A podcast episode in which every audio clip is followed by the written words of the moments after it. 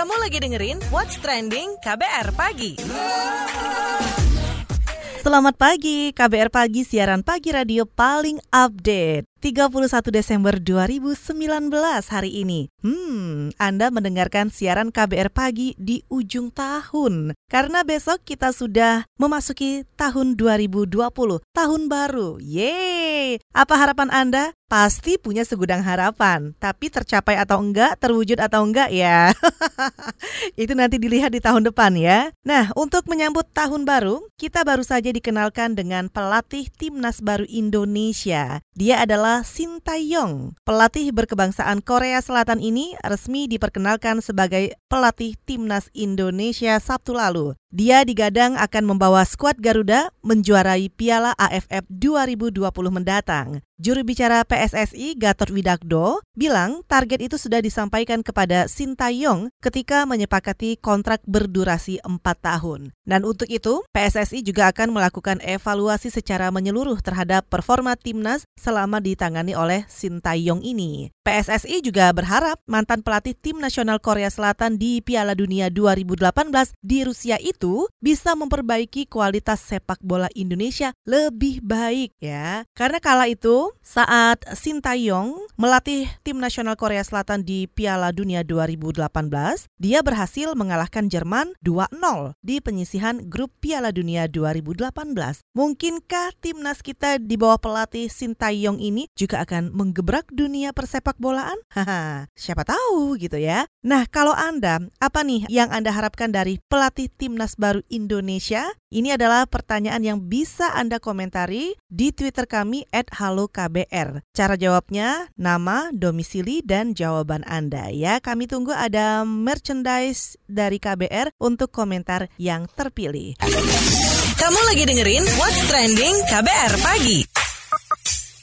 KBR Pagi, siaran pagi radio paling update. Kita pagi hari ini ngobrolin soal pelatih timnas baru Indonesia, Sintayong, pelatih berkebangsaan Korea Selatan. Nah, untuk jangka panjang, PSSI mewacanakan penanganan tim nasional di level usia akan dikoordinasikan dengan tim kepelatihan dari Sintayong tentunya ya. Tetapi juru bicara PSSI Gatot Widakdo belum bisa merinci rencana tersebut. Nah, untuk lebih lengkapnya kita akan ngobrol bersama juru bicara PSSI Gatot Widakdo. Selamat pagi Gatot, Sintayong yang dikontrak 4 tahun ke depan, target jangka pendek apa nih untuk pelatih? Sintayong kan memang uh, kita kontrak kemarin seperti yang disampaikan oleh Pak Ketua Umum bahwa kita ingin membangun timnas Indonesia yang solid ya, yang tentu saja tidak secara instan tapi terukur dari program kepelatihan juga. Tentu uh, nanti sini juga akan bekerja untuk tidak hanya di senior tapi juga di hampir semua lapisan timnas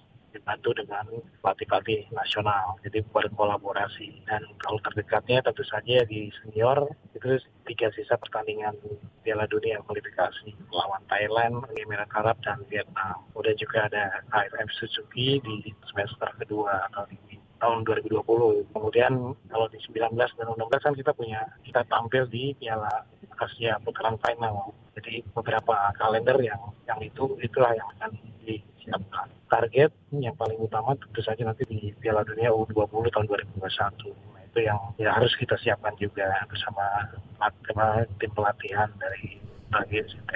Nah, timnas level usia juga ditangani. Maksudnya gimana tuh? Iya, nanti kan dia bawa staf pelatihan juga dari uh, punya tim pelatihan dari stafnya juga dibawa. Nah, terus juga kan kita ada uh, pelatih, beberapa pelatih nasional yang akan kita kita rekrut dalam tim pelatihan kan.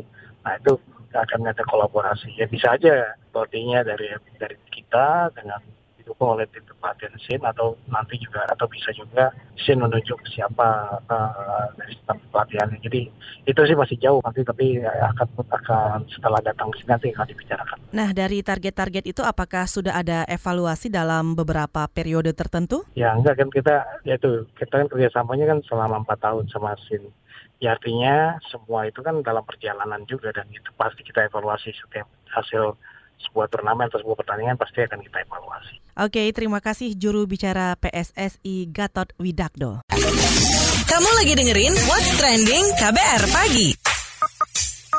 KBR Pagi, siaran pagi radio paling update, masih di What's Trending. Ngobrolin soal pelatih timnas baru Indonesia. Dia adalah Sintayong, pelatih berkebangsaan Korea Selatan. Ha, kira-kira bagaimana ya sang pelatih baru skuad Garuda ini di mata pengamat sepak bola Aryo Yosia? Kita akan ngobrol bersama Aryo. Selamat pagi Mas, bagaimana Anda menilai pemilihan Sintayong sebagai pelatih timnas baru Indonesia? Kalau lihat track record saya sebenarnya kan pelatih ini kan bagus, tapi sebenarnya kan pelatih bagus bukan pertama kali di Indonesia kan. Sebelum juga ada Luis Milla, kemudian juga pernah ada Volverdehan, kemudian ada Wim Bergen dan macam-macam lagi. Artinya sebenarnya bukan orang pertama yang punya track record bagus gitu kan. Cuma kan memang menjadi catatannya adalah gini, kita tuh sebenarnya butuh konsistensi program pembinaan berkaitan dengan timnas gitu kan. Karena larinya gini kalau dia cuma untuk jadi tukang sulap gitu kan dengan target tinggi itu ujung-ujungnya dua tahun lagi akan ganti pelatih lagi. PSSI masih dengan frame yang sama gitu kan bahwa pokoknya harus juara segera cepat juara gitu kan. Ya juara ada proses. Kalau saya lihat pemilihan pelatih Korea Selatan kan sebenarnya juga kayak kita tuh kan selalu kalau ada kecenderungan ikut tren gitu kan. Ketika tren pelatih Eropa Timur lagi melanda Asia Tenggara kita juga ikut pakai pelatih Eropa Timur. Kemudian ada pelatih dari Belanda kita juga ujuk-ujuk Belanda. Kemudian juga kayak kayak Spanyol dan macam-macam juga kita ikutan juga gitu kan. Nah ini kan kita ngeliat kan sukses Vietnam kan pelatih yang dari Korea Selatan juga yang sukses membuat Vietnam dua tahun ini merajai kawasan Asia Tenggara kan sepak bolanya gitu kan. Cuma ya saya lihat seperti itu bahwa sehebat apa pun pelatih ya kalau dia dituntut jadi tukang sulap ya susah gitu kan. Target apa nih yang mesti ditetapkan untuk Sintayong? Ujiannya yang terbesarnya si Sintayong ini adalah Piala AFF tahun depan gitu kan. Itu kan pentasnya pertamanya dia ya kalau ditonton semua gini kan bisa nggak lo menjadikan juara. Apalagi kan yang bersangkutan bilang salah satu alasan PSSI menunjuk dia dibanding Luis Mia kan karena Sintayong ini kan menjanjikan gelar juara Piala AFF. Tapi realitanya kan kita harus balik lagi gitu kan di edisi sebelumnya kan kita semifinal aja nggak masuk gitu loh. Artinya hitung-hitungan ya artinya kalau saya sih lebih setuju dia memang oke okay, kalau kita pilih dia tapi kita buat long term buat jangka panjang artinya membenahi. Nah tadi kalau pertanyaan ini saya melihat bahwa sebenarnya akan sangat ideal sekali melihat dia membentuk tim untuk Piala Dunia U20 di tempat kita. Bahwa kita nggak mungkin juara ya. Artinya juga kalau kita ngomong juara itu mimpi lah ya artinya karena pasti banyak ada negara lain yang artinya lebih kuat sepak bola lebih baik. Tetapi sebagai tuan rumah kan kita berharap sejauh mungkin melangkah gitu kan. Artinya kita tidak mem memalukan lah tampil di Piala di Piala Dunia kita sebagai tuan rumah ya nggak cuma sebatas penyisian saya ngeliat sih sebenarnya di situ akan kalau mau melihat hasil kerjanya dia lebih lebih pas di situ sih dibanding Piala AFF. Nah kalau menurut anda apa nih yang paling pertama kali mesti dilakukan Sintayong terhadap timnas kita? Hmm, paling enggak menyatukan persepsi sih. Artinya ini kan selama ini yang selalu berbeda-beda kan ya contoh kualifikasi Piala Asia dan Piala Dunia gitu kan. Yang kemarin kita Simon McManamy gagal gitu kan ya cerita gitu kan. Apa yang dia susun kemudian di klub berbeda lagi gitu kan. Akhirnya ada keluhan dari beberapa pelatih klub misalnya, kok saya pemain saya datang udah jadi ampas gitu kan. Apakah di sana pelatih fisiknya berbeda dengan kita atau bagaimana? Nah, menurut saya sebenarnya sepak bola yang yang benar dan sem hampir semua negara-negara besar di dunia itu kan sebenarnya satu fondasinya sama dari atas sampai bawah. Makanya saya bilang keputusan PSSI mengontrak dia memegang empat apa seluruh level timnas itu udah bagus gitu. Karena dari situ kan paling nggak satu kepala nih memegang gitu kan. Jadi turunannya sama, jadi style bermainnya akan sama gitu kan. Karena sebenarnya ya, tim bisa juara atau menyajikan penampilan bagus di sebuah turnamen internasional karena eh, pola-pola yang sama dan kita tuh nggak pernah sama. Beda pelatih misalnya ya, tim seniornya dipegang pelatih asing, kemudian di tim U23-nya pelatih lokal. Itu aja udah beda gitu kan. Nah, kalau saya lihat bahwa yang paling penting dia perlu lakukan adalah menyamakan persepsi dan ini bukan cuma di level timnas doang. Iya, Ya, itu tadi pengamat sepak bola Aryo Yosia yang menilai pemilihan Sintayong sebagai pelatih timnas baru Indonesia. Sebelumnya juga tadi kita sudah ngobrol tentang harapan dan target-target yang akan dilakukan Sintayong bersama juru bicara PSSI Gatot Widakdo. Nah, kalau Miss KBR, apa sih komentarnya terkait pelatih timnas baru Indonesia? Penasaran sama komentar Miss KBR? Ini dia Miss KBR. Aye aye. Aye aye. Aduh, gara-gara demam boyband Korea deh yang masih melanda para pemuda-pemudi Indonesia atau ada musabab lain, pastinya timnas Indonesia punya anggota baru ya kan? Bukan Siwon lah.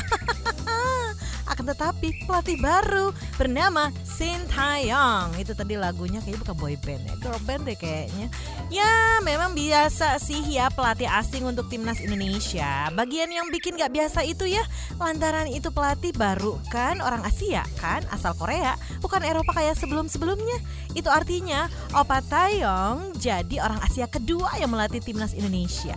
Nah, dahulu kala nih ya pas tahun 50-an, Indonesia kan pernah tuh punya pelatih yang biasa dipanggil Paman Cho alias Cho Seng Quick. Nah, Paman Cho pada waktu itu jadi pelatih timnas Indonesia yang berlaga di Asian Games pertama tahun 1951. Haduh, Miss KBR bahkan direncanakan ada aja belum ya kan? eh, tapi pastinya kita punya ingatan kolektif dong ya perkara bola ini kan. Makanya Miss KBR mahfum. Gini-gini kan Miss KBR demen bola. Please deh nggak pakai nanya bola siapa, itu pelecehan.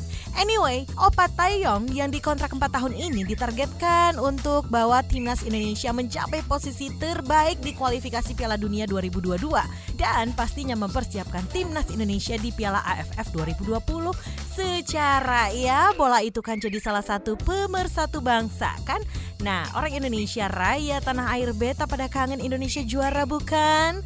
Cuman ya tahu sendirilah ya mengangkat prestasi timnas itu kan bukan perkara mudah. Hanya dengan mengontrak pelatih yang konon bagus lantaran pernah punya pengalaman berlaga di Piala Dunia, nggak berhenti sampai di situ doang lah. Tiada adil kalau PSSI cuma bisa menuntut prestasi dari pelatih timnas sementara pengelolaan kompetisi malah amburadul. Halo, please deh nggak usah mengaburkan masalah. Itu bola digiringnya yang bener biar golnya tuh asoy gitu loh. Indah kayak tendangan bebasnya Beckham zaman dahulu kala. Mau ngasih contoh gol spektakuler pemain Indonesia, tapi kok uh, Miss KBR lupa. Ya, gol tendangan jarak jauh Christian Gonzalez deh di Piala AFF 2010 pas lawan Filipina. Memper-memper dikit lah ya, atau enggak? Pokoknya gitulah ya. Benahi juga lah itu kompetisi dan organisasi, ya kan? Itu dia tadi komentar dari Miss KBR. Mau tahu besok Miss KBR bakal komentar apa lagi? Tungguin cuma di KBR Pagi.